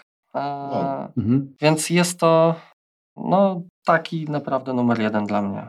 No tak, bo tylko właśnie to jest to, bo tak pierwsze wrażenie jest takie, no dobra, no OCR, no to, to już znamy, tak? No weźmiemy aplikację Google'a, y, to też nam przetłumaczy, tak? Jeżeli... Y, no czy nawet Microsoftu, no te WordLensy tak. mieli jedni i drudzy. Tak, tak, dokładnie. Wszystko świetnie, ale to są aplikacje zewnętrzne. Najczęściej jest tak, że mhm, mieliśmy, popro- musieliśmy je albo kupić, ja bardzo długo korzystałem z aplikacji Abyss. Mhm. Mhm. Fine Reader taki, tak. Tak. Mhm. No i teraz w zasadzie dostaję praktycznie tą samą funkcjonalność bezpośrednio w aparacie, więc jedna aplikacja mniej. No, ja jako deweloper mogę oczywiście powiedzieć, zabierają nam chleb. Mhm. Ale... Ale... z drugiej strony możesz, wykorzystując to API, możesz wzbogacić funkcjonalność swojej apki bez poświęcenia e, dodatkowego czasu. Tak, aczkolwiek użytkownik na samym końcu i tak wybierze tą z systemu, ponieważ jest najwygodniejsza, jest po no. prostu już tutaj. No tak, ale jeżeli wiesz, musiałbyś na przykład, nie wiem, wprowadzić nie wiem, numer seryjny urządzenia, czy coś, cośkolwiek, tak? W sensie dane, które może musi wpisać użytkownik, no to możesz mu zaproponować zrobienie zdjęcia. Tak. Nie musi przechodzić jednak do tej aplikacji, chociaż jest w zintegrowanym systemie, ale wymaga to dodatkowych klików, więc jakiś tam uzysk jest. Mhm. No dobrze. A co tobie się, Marku, podobało najbardziej? Tak, co mi się podobało, znaczy, znowu mi się podobało sporo rzeczy, wbrew pozorom. Wbrew powszechnej opinii, że tylko narzekasz. Tak. Na, na pewno bardzo mi się podobały funkcjonalności związane z prywatnością i bezpieczeństwem, czyli czekam bardzo mocno na e, iCloud Plus i, i VPN-a tak od Apple, mhm. czyli to się nazywało Relay, tak? Czy jak to tam było? Tak. I... To nie będzie stricto VPN, on tam będzie przeskakiwał dwa hopy sobie. Zgadza się. Ale, ale no, generalnie wiadomo o co cokolwiek, chodzi. Co, co utrudnia śledzenie mnie innym, tak? Jak najbardziej. Plus oczywiście Mail Privacy Protection i, i tutaj te dodatkowe mm, rozwiązania, czyli wykrywanie tych śledzących tam pikseli i tak dalej, jak, jak, jak, jak zwał, tak zwał, to bardzo, y, bardzo mi się podoba i no mam nadzieję też, że te funkcjonalności będą tutaj, jeżeli mówię teraz o, o mailu, że będą zgodne między też mm, platformami i mobilnymi i, i macOS-em, bo do tej pory to nie, też, też nie wszystko było, prawda? Nadal chyba w mailu nie mamy opcji y, ustawienia filtru antyspamowego. Nie ma. Nie ma i dalej, e, e, dalej to, co to ja przejdę płynnie, to z rzeczy, które mi się podobały, to jest między innymi nowe, nowe e, wtyczki w ogóle, to, że to, aplikacje firm trzecich nie będą już musiały się wpinać w tego maila, tak używając jakichś takich haków powiedzmy, tak jak, tak jak miało to miejsce dotychczas, tylko będzie po prostu miejsce na wtyczkę w mailu. Więc te wtyczki dalej są akurat te, niestety tylko, tylko i wyłącznie na Macu, ale bardzo fajnie, tak? No bo teraz, y, jeżeli chcielibyśmy korzystać z jakiejś innej aplikacji mailowej, no to tak, możemy sobie zainstalować Sparka, zainstalować jakąś inną aplikację, no ale one też no, są różne, tak? No, natomiast jeżeli chcielibyśmy dodać jakąś funkcjonalność do maila, no to nie wiem, to jest na przykład Mail Acton, czy, czy, czy sporo różnych takich, y, takich programików mniejszych, które po prostu dodają jedną funkcję, której nam brakuje. Natomiast to działa tylko i wyłącznie z bieżącą wersją. To rozwala, każdy update systemu rozwala zawsze tę aplikację, no bo to jest jakiś hack tak naprawdę. Więc tutaj będziemy y, mieli miejsce na wtyczkę po prostu, która normalnie jest błogosławiona przez Apple i będzie, będzie miała swoje miejsce w systemie. To mi się bardzo podoba bo no, Mail nie jest aplikacją, która ma dużo różnych dziwnych funkcjonalności, czy takich, które to jest to, to 90 dla 90%. 90 funkcjonalności, 90% potrzebnej funkcjonalności dla 90% użytkowników. Ale czasem wychodzi, wychodzi właśnie jakiś taki, taki przypadek brzegowy, że przydałoby się coś więcej i będzie można sobie to łatwiej dołożyć. To mi się bardzo podoba. A jak już jesteśmy przy rozszerzeniach, to również podoba mi się bardzo wprowadzenie web extensions do Safari i tutaj, tak jak już mówiłem, to będzie wszędzie iPadOS, macOS, iOS i one są oparte o standard, więc to nie jest, nie jest jakiś wynalazek Apple, tylko to jest HTML, CSS, JavaScript, więc to są wtyczki zaaprobowane przez W3C, więc jest szansa, że po prostu dostaniemy ich dużo więcej niż, niż teraz, tak? No bo to będą wtyczki, które będą działały na każdej przeglądarce zgodnej ze standardem. Mhm. Bartku? A ja natomiast e, wspomniałbym o Safari. Szczególnie z perspektywy iOS, ponieważ mam betę, mogłem już troszeczkę e, się z nią zaznajomić i no, niesamowite jest to, że tak długo żyliśmy z e, wpisywaniem stron internetowych e, na samej górze. Kto to w ogóle wymyślił, dlaczego tak długo musieliśmy z tego korzystać? W zasadzie od e, iOS 15 Safari posiada pole tekstowe do wpisywania stron na dole. I jest to cholernie wygodne. Mając telefon w jednej ręce, najpierw tak naprawdę klikamy na samym dole na pasek e, do wpisywania. Mamy od razu przejście płynne do klawiatury. Wpisujemy, co nas interesuje, zatwierdzamy, pasek z powrotem wraca na sam dół i podczas przewijania jakkolwiek e, stron internetowych jest on pomniejszany tak, żeby mhm. nie ingerował w tą dolną część, więc trochę się obawiałem, że okej, okay, ja będę pewnie cały czas palcem wchodził tak jakby w tą część wpisywania i okazało się to nieprawdą. Jest to według mnie naprawdę fajne e, wsparcie dla ludzi, którzy lubią korzystać z telefonu jedną ręką. E, I pewnie docenią to użytkownicy iPhone'a 12 mini. To teraz moje pytanie, czy na Macu używasz Opery? Mm, nie, jestem z Safari od zawsze. Bo zdaje się, że Opera ma chyba taby na dole. Nie wiem, czy pasek adresu też, ale tak? Dobrze mówię? Nie wiem, dawno nie instalowałem Opery. Bo przynajmniej kiedyś tak pamiętam, że przynajmniej taby, ale wydaje mi się, że pasek adresu też w Operze znajdował się na dole. Ale mogę się, mogło to być już dawno nieprawda. Tak mi się po prostu skojarzyło. No dobrze. E, jeżeli o mnie chodzi, to dwie rzeczy, które są troszkę powiązane ze sobą przez e, HomeKita. Jedna rzecz to e, nowa aplikacja Home App na, na zegarku. Mam co do niej mocne, duże oczekiwania, tak bym powiedział. Bo y, aktualna no, jest po prostu. Nieużywalna. No, słaba, no nieużywalna. Nie? Znaczy to przewijanie, żeby tam się dostać, to zajmuje więcej czasu, że wolę, wolę często wstać i chwycić telefon albo po prostu mm, no jeszcze bezpośrednio pacnąć tam ten włącznik na przykład mhm. niż, niż scrollować na, na zegarku. Także to jest, chyba, że już jestem bardzo nieruchawy w łóżku, no to wtedy, wtedy to tam się zdarza, że, że tak. Więc liczę na to, że będzie fajna. I druga rzecz, znowu Apple TV i fajnie, że przynajmniej na chwilę obecną, to z tego co, co, co wiem, to ta zmiana będzie dotyczyła, będzie bardzo powiązana y, właśnie z kamerami, czyli możliwość podglądu kamer podpiętych do HomeKit Secure Video. Bardzo mi się podoba to, że w końcu nawet w tym pakiecie 50 giga będzie można taką kamerkę sobie zarejestrować, bo do tej pory to było chyba tak, że można było mieć chyba dwie kamery, jedną albo dwie kamery w planie 200 gigowym tak. i do pięciu kamer w planie 2 terabajtowym, a teraz będzie tak, że jedna kamera dla biedaków, czyli dla mnie, później dla średnio zamożnych których stać na 200 giga, będzie to 5 kamer i dla już burżujów, który, którzy mają 2 tera, liczba kamer będzie nieograniczona i z tego co pamiętam też ten jakby ilość danych, które generują te kamery nie będzie się wliczała jakby w, w tego iClouda, tak? Czyli nie będzie, nie będzie zabierała miejsca. Przestrzeń, tak. Więc, więc to, to bardzo, bardzo fajna sprawa.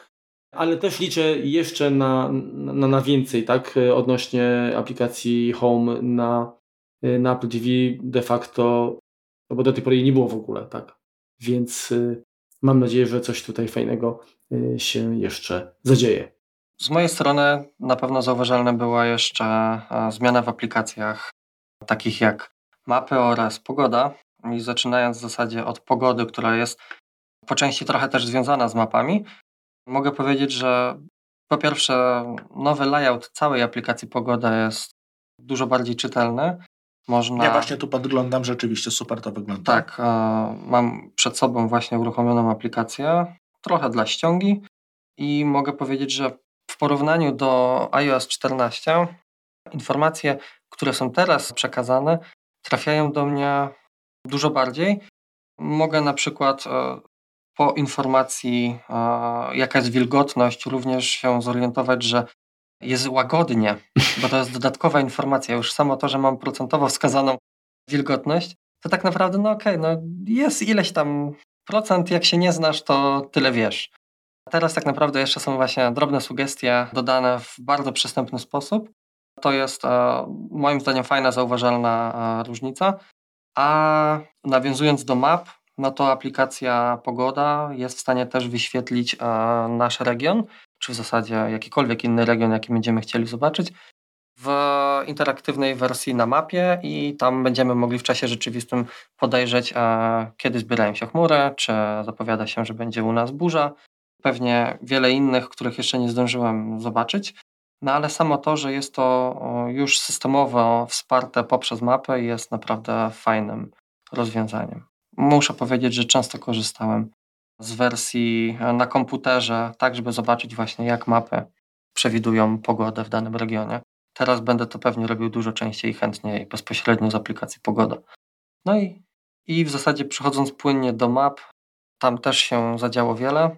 Pomijając już fakt, że wiele różnych e, miast, e, które niestety nie dotyczą Polski, dostaną jeszcze ładniejsze rozwiązania w postaci layoutu, to ja mogę powiedzieć jako użytkownik w Polsce, że mapy też dostały dosyć fajne rozwiązania, chociażby takie, że jeżeli wpisuję powiedzmy jakieś tam miasto w Polsce, niech to będzie Ciechocinek, to pod Ciechocinkiem dowiem się, mhm. ile jest pod, w, bezpośrednio w aplikacji mapy, pod e, w wyszukiwaniu konkretnego miasta dowiem się, ile jest mieszkańców w owym Ciechocinku, jakie są popularne miejsca, ponieważ jest e, zaprzęgnięta do tego informacja bezpośrednio z Wikipedii. Są po prostu podstawowe informacje ekstra wrzucone, więc dla ludzi, którzy na przykład chcieliby się wybrać w jakieś konkretne miasto, w którym jeszcze nie byli, to już po wpisaniu sobie w, bezpośrednio w aplikacji mapy, wiem, że to może przykład abstrakcyjny, no, ale ja tak czasami trafiałem do dziwnych miast w Polsce. Jest to zawsze jakaś opcja, żeby zobaczyć na szybko, co tam jest ciekawego do zobaczenia. Mhm. I mapy na pewno fajnie to wspierają. I być może było to już w poprzedniej wersji, a ja tego nie zauważyłem, ale mapy dla drogowców zostały mocno poprawione. Także Oprócz satelitarnej, oprócz mapy geograficznej jest jeszcze mapa drogowa i tam mamy wyszczególnione w dużo bardziej wyrazisty sposób e, korki i naszą trasę również przedstawia w troszeczkę innych kolorach, co bardziej pozwala się skupiać nie na tym, co jest dookoła, tylko na tej naszej trasie. Także przypuszczam, że będę jeszcze bardziej chętnie korzystał z map. Mhm. No tak. To ja tak się śmiałem z tego, bo przy okazji, bo mi się zdarzyło powiedzmy w poprzednim życiu nieco jeździć po Polsce. Pozdrawiam Rafale. Jeśli słuchasz, to, to mieliśmy taki podział właśnie wielkości miast na to, ile ma McDonaldów. To było pierwsze, pierwsze, ten, a drugie tak, czy takie, takie lepsze to miały KFC. No generalnie ja jestem z map zadowolony i no to zdarzyło się oczywiście, że gdzieś to się pogubiły. Y, natomiast y, zawsze tak się zrzymałem, jak niektórzy twierdzili, że a po co ci te, te mapy ploskie, one są takie do bani, kurczę, tylko, tylko googlowe mają tutaj sens i, i, i w ogóle. Z czym się nie zgadzam, bo zdarzyło mi się wielokrotnie jechać e, z przyjacielem i on miał uruchomione mapy googlowskie, miałem ploskie i jednak te ploskie nawet prowadziły lepiej, bardziej optymalnie, więc zostaję przy nich. Natomiast co do pogody, to powiem szczerze, że dla mnie wystarczy informacja, czy będzie padało jaka jest temperatura. Ewentualnie nie wiem, czy będzie wiało, chociaż to widzę patrząc za okno. I zawsze zastanawiałem się, czy byłbym w stanie wydać jakieś pieniążki za zewnętrzną aplikację typu Card Weather, y, tylko po to, żeby przeczytać jakieś tam komunikaty, na przykład śmieszne czy coś. I zdarzało mi się oczywiście ściągnąć y, aplikacje pogodowe tak z ciekawości, żeby zobaczyć, ale to była, to była chwila i być może po tym, co powiedziałeś e, Bartku, jak już będę miał iOS 15 u siebie, to się przeproszę i może wyciągnę jakieś, jakieś wnioski i, i, może będę z tego bardziej intensywnie korzystał. Widzisz, to ja z racji tego, że ja jestem troszeczkę data freakiem, to ja się nawet zastanawiałem nad... Znaczy, a nie data freakiem z jednej strony, a z drugiej strony nie jestem pasjonatem pogody ale zastanawiałem się nawet nad y, zakupieniem jakiejś stacji pogodowej, żeby właśnie tutaj, wiesz, dodatkowe statystyki można było w swojej okolicy robić, ale w końcu się nie zdecydowałem, bo też y, wsparcie tego jest takie średnie. Myślałem, że chciałeś weryfikować, co pokazuje twoja stacja pogodowa, a co pokazuje aplikacja Apple i, i, i wysyłać do nich te feedbacki. że jest niestety, źle. Ale no jest źle. To przy okazji, to przy okazji. Remku, to, to co jeszcze tobie się To teraz, to może kilka takich y, drob, drobniejszych rzeczy. Pierwsza to jest to, że w Macach, i tutaj nie jestem pewien, ale wydaje mi się, że też jest to funkcjonalność tylko dla Apple Silicon zarezerwowana, mamy możliwość uruchomienia low power mode. Czyli tak jak, tak jak w iOSie, tak jak w iPadOSie, jeśli na przykład mamy jakiś dzień, który wiemy, że będzie bardziej wymagający, tak? Jeśli chodzi o używanie, no to możemy od razu zadecydować, żeby oszczędzał baterię. W tym momencie on mniej, powiedzmy, przyciśnie procesor kosztem troszkę wydajności, czyli pewne, pewne rzeczy będą trwały nieco dłużej, ale również takie, takie kwestie, które się dzieją w tle bez naszej wiedzy, jakieś takie dodatkowe indeksacje czy, czy czyszczenie, po prostu nie będzie uruchamiane, więc to siłą rzeczy będzie dla nas po prostu dłużej, dłużej nam starczy bateria. Więc to jest fajnie, że coś takiego weszło. I może zmiany w Finderze, które też tam gdzieś, gdzieś już zobaczyłem, to przede wszystkim pierwszy raz chyba od, nie wiem, od początku funkcja Go to Folder. Nie wiem, pewnie, pewnie kojarzy, często z niej korzystacie. Mhm. To ona teraz ma podpowiedzi fantastycznie dużo szybciej się wpisuje. Tak nie trzeba wpisywać całej ścieżki, tylko po prostu od razu podpowiada. No mała rzecz cieszy. I to, co też kolejna mała rzecz. Czyli jest takie autouzupełnianie, tak? Jak zacznie tak, wprowadzać tak, tą ścieżkę. Tak. Aha, no to rzeczywiście super. No drobiażdżek, tak? Natomiast no, przy, przyspiesza czasem, no wiesz, tak jak, tak jak znaczy, w terminalu jedziesz... w sumie dopiero teraz to się pojawiło, skoro w terminalu no to funkcjonuje od zawsze. E, od zawsze, tak? Tak, no wpisujesz dwie litery, tabulator, dwie litery, tabulator, jesteś, jesteś w domu mhm. właściwie. No to tutaj, tutaj jest podobnie. E, I to, co mi się bardzo podoba, to mi się zdarza bardzo często przerzucać duże ilości danych z jednego miejsca w drugiego, jakieś kopie tego typu, tego typu rzeczy, zrzuty, zrzuty baz. No i to trwa. I czasami jedno kopiowanie przeszkadza drugiemu, no bo są to są różne nośniki, różne sieci, różne, różne przypadki, więc jest możliwość po prostu zatrzymania i wznowienia funkcji kopiowania. To też mi się bardzo podoba, bo tego mi brakowało E, żeby po prostu na chwilkę przytrzymać, bo nie wiem, mam za bardzo system obciążony, chwilę, chwilę te, te funkcje, które, które, które trwają, e, żeby, żeby przystopować i potem do nich wrócić jakby w tym samym miejscu, gdzie się przerwało. Ale dobrze, teraz zadam Ci pytanie, czy to tak. działa również w taki sposób, że jeżeli kopiujesz coś na, na przykład na, na lokalizację sieciową i zapauzujesz, i wyjdziesz, y, w sensie, że stracisz połączenie z tą lokalizacją sieciową i pod, podmontujesz później. Tego nie miałem jeszcze okazji sprawdzić. Od, czy to odpauzowanie zadziała? Bo w tym momencie dla mnie to miałoby już, to bym stwierdził super. To jest, kurczę, sztos. Obiecuję Ci to sprawdzić, jak tylko zainstaluję gdzieś betę. Mhm. Bo to jest też to, co, też to, czego nie doczytałem, powiedzmy, a to też, jeżeli by to było, to ekstra. Dobrze. Ja też czuję, że to nastąpi szybciej niż później. Że Remek betę zainstaluje? Tak, pewnie dzisiaj. Dobra, to... Okej, okay, ja, ja mogę od siebie dorzucić, że wchodząc w światek macOSa, macOS dostanie w końcu shortcuts, skróty. I to, co polubili użytkownicy na e, iOS, iPadOS, e, będzie teraz również dostępne na komputery. I jest to też swego czasu no, przez Apple zapowiedź, że hej, nasze dotychczasowe rozwiązania do wykonywania skrótów bądź co bądź są już niestety na zakręcie. To jest też przy okazji duża informacja, że, że, że, że e, automator czy Apple Script być może już nie będzie tak rozwijane, a w zasadzie podtrzymywane. To też czas pokaże zapewne, aczkolwiek Apple. No na pewno nie warto z niego inwestować, w sensie w nowych projektach. Tak, pokazali rozwiązanie e, mobilne, przenieśli je w zasadzie za pomocą SwiftUI do komputerów i teraz będzie to już ujednolicone na platformach, co oczywiście będzie miało dużo zalety, bo będzie można wykonywać pewne operacje albo dokładnie takie same operacje na jakimkolwiek sprzęcie, jaki mamy. Przy okazji je mocno też rozszerzyli, tak, no bo mamy dużo lepsze obsługę plików, obsługę katalogów, czegoś, czego wcześniej w Shortcuts nie do końca było. jestem zaznajomiony, co tam dokładnie będzie można było wykonać. Znaczy ja słuchałem Frederiko mhm. Vetici z zachwytu, więc, e, więc tutaj, e, tutaj twierdzę, że może być dobrze. Okej. Okay.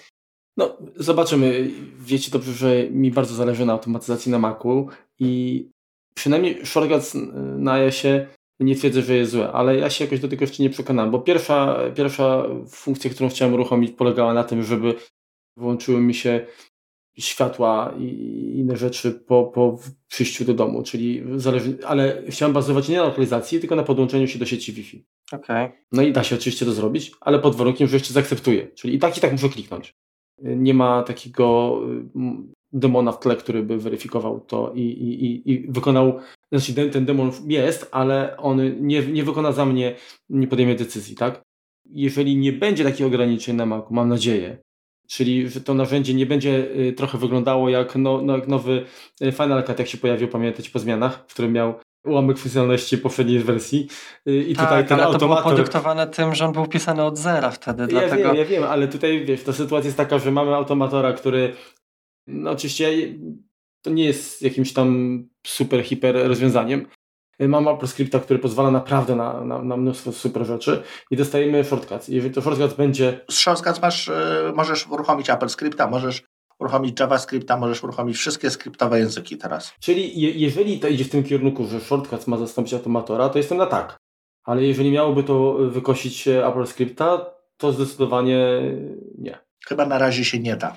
No, to dobrze.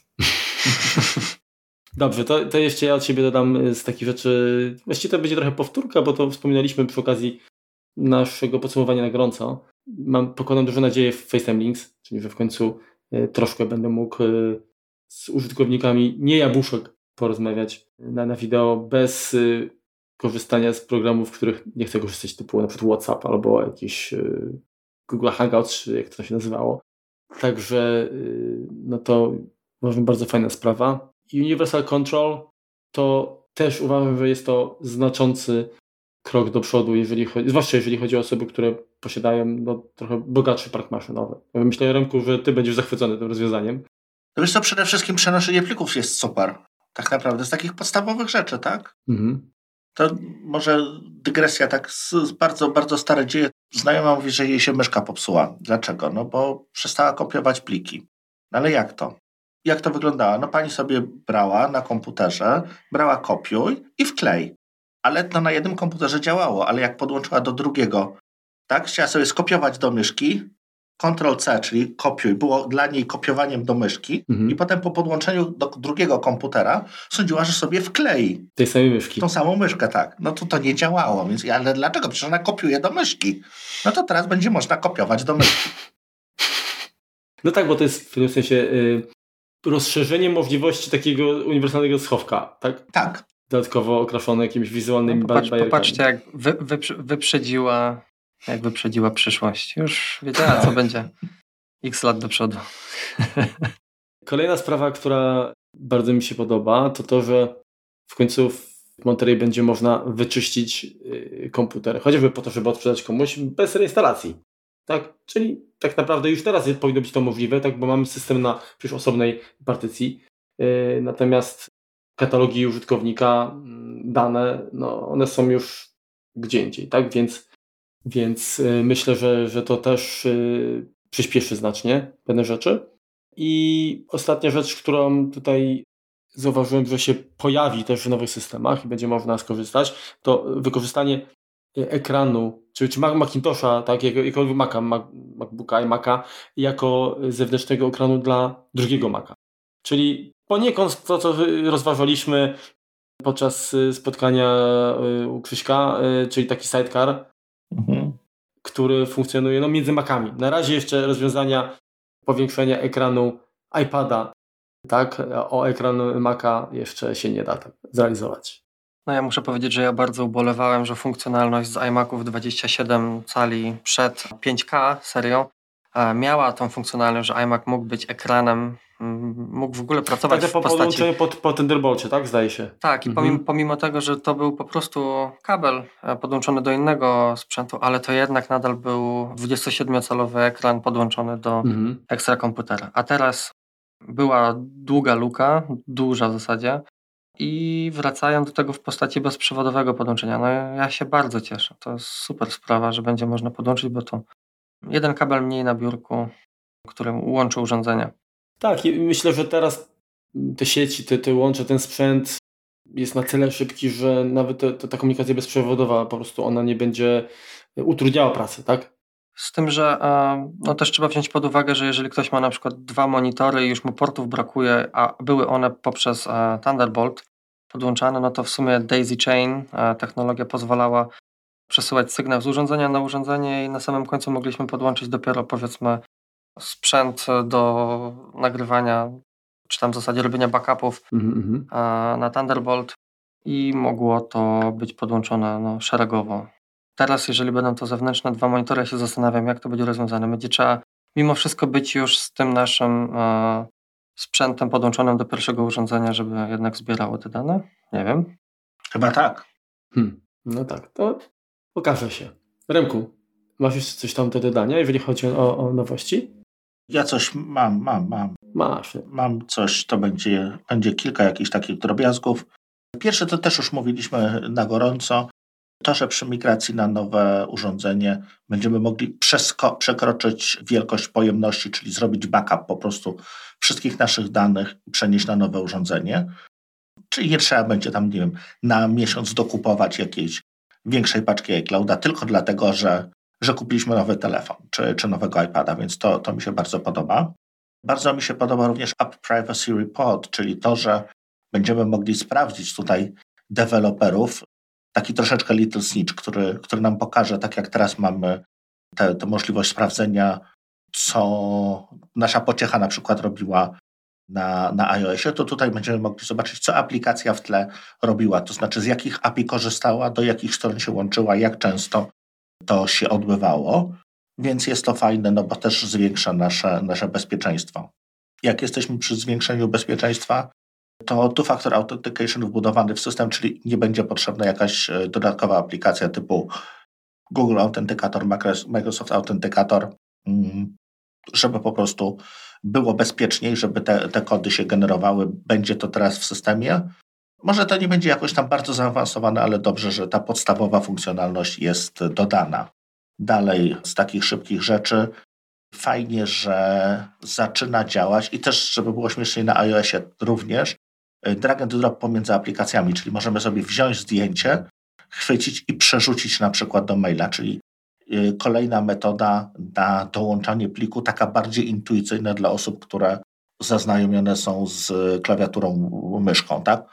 bo, bo jesteśmy przyzwyczajeni do tego, że właśnie przyciągnij i upuść jest taką najprostszą, powiedzmy, metodą na przenoszenie danych. Tutaj y, pomiędzy aplikacjami też to, też to będzie funkcjonowało. I to, co na, na sam koniec właściwie się zorientowałem, przygotowując do tego odcinka, to śledzenie zmian w notatkach.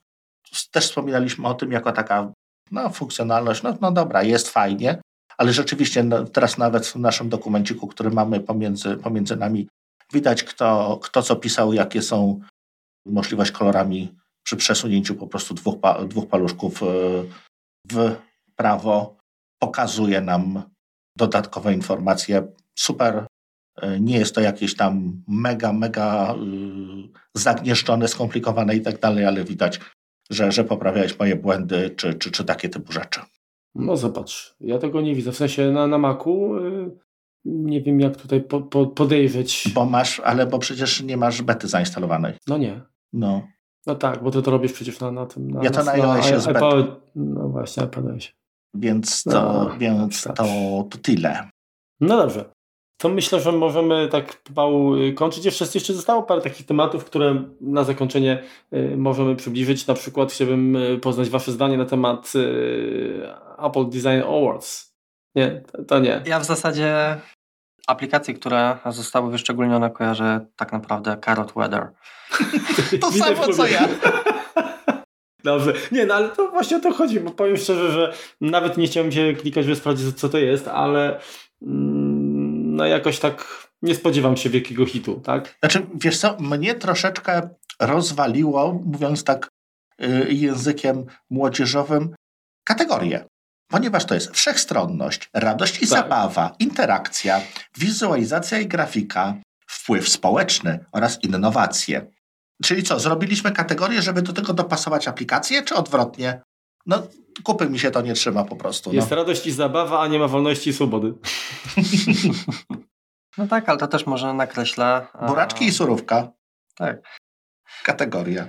Co jest no, popularne. No trochę też, tak. Ja mogę jako małą anegdotkę dorzucić, że rok temu na Apple Trends jedna z pierwszych aplikacji, przy których pracowałem, w zasadzie byłem małym żuczkiem, który tam coś dorzucał, ale jednak pracowałem właśnie nad aplikacją, która została też zaprezentowana i to jest aplikacja z Polski, e, z firmy z Wrocławia Explain Everything i serdecznie pozdrawiam Mhm. i jej gratuluję. Pozdrawiamy. Zgodnie z tradycją yy, podzielimy się z wami, z wami quick tipem związanym z yy, produktami naszego partnera, czyli Synology Polska, czy generalnie Synology. I dzisiaj yy, chcielibyśmy w, w ramach właśnie quick tipa przypomnieć, że istnieje coś takiego jak aplikacja yy, Synology Chat W nowej wersji. Mobile, tak, dla systemów iOS i Android. I od niedawna, a konkretnie od chyba trzech dni, obsługuje również nagrywanie, wysyłanie i odtwarzanie wiadomości głosowych. Także jeżeli rozważacie komunikację za pomocą takiego powiedzmy intranetowego komunikatora, no to teraz będziecie mogli również Pogadać. pogadać. No właśnie. My już pogadaliśmy też, więc czas zakończyć e, nasze spotkanie i nagranie. Gościliśmy e, w naszych szeregach e, Bartosza Brzozowskiego. Bardzo dziękuję Ci, Bartku, za, za to, że poświęciłeś swój czas, bo mógłbyś w tym czasie oglądać wideo z State of the Union, tak, WDC i tak dalej, a jednak wybrałeś nas, także bardzo czujemy się tutaj zaszczyceni. Dziękujemy, Dziękujemy się. Ci i Ja również dziękuję. bardzo chętnie spotkamy się pewnie przy innej okazji również. A poza tym tutaj głosu u- udzielał Remek Rychlewski i ja, czyli Marek Telecki. Także dziękujemy wszystkim słuchaczom i do usłyszenia już niedługo. Do usłyszenia. Trzymajcie się, na razie. Cześć. 138. Powiedz coś? Mówię coś? Słychać? Tak, słyszę. No to super. To cześć Bartku, raz jeszcze. Cześć Marku, już tak oficjalnie. To przed kokoła to ja jeszcze na chleb mówiłem pep, także No. Znaczy, no to wiesz, to mogę, nie mogę nie pytać tam o to, jeżeli tam nie, nie, nie chcesz jakby... krótko i na temat. Możemy. To startuj. A, tutaj też mamy. Y, Zaraz, zaraz się do- dopuszczę, y, Bartku. Y, Słyszałem, że niektórzy... I Remku, jak ty, jak ty uważasz? Remku, przepraszam, Bartku, jak, jak, ty, jak ty uważasz? Ubić. Marek, ty morderca. Co prawda nie słuchałem, także nie miałem już okazji. Ja jestem w plecy z trzy odcinki. Oż ty. Się wytnie. Czyli ten async będzie zamiast takiego forka, którego znamy z e, języków C podobnych? Nie odniosę się do tego. To nie było pytania. Remku, zadaj tam to jeszcze jedno, a ja to czwarte zadam wtedy. Dobrze. Mówisz, że chcesz czwarte, dobra. A już skończyłeś. Ja już skończyłem, tak. A, dobrze. Zabrałeś mi to? Nie. E, nie, dobrze. Porada Bartka, tak? Tak. Okej. No to co, Marku? Kończymy. Dobrze, to czekaj, czekaj jeszcze, jeszcze quick tipa.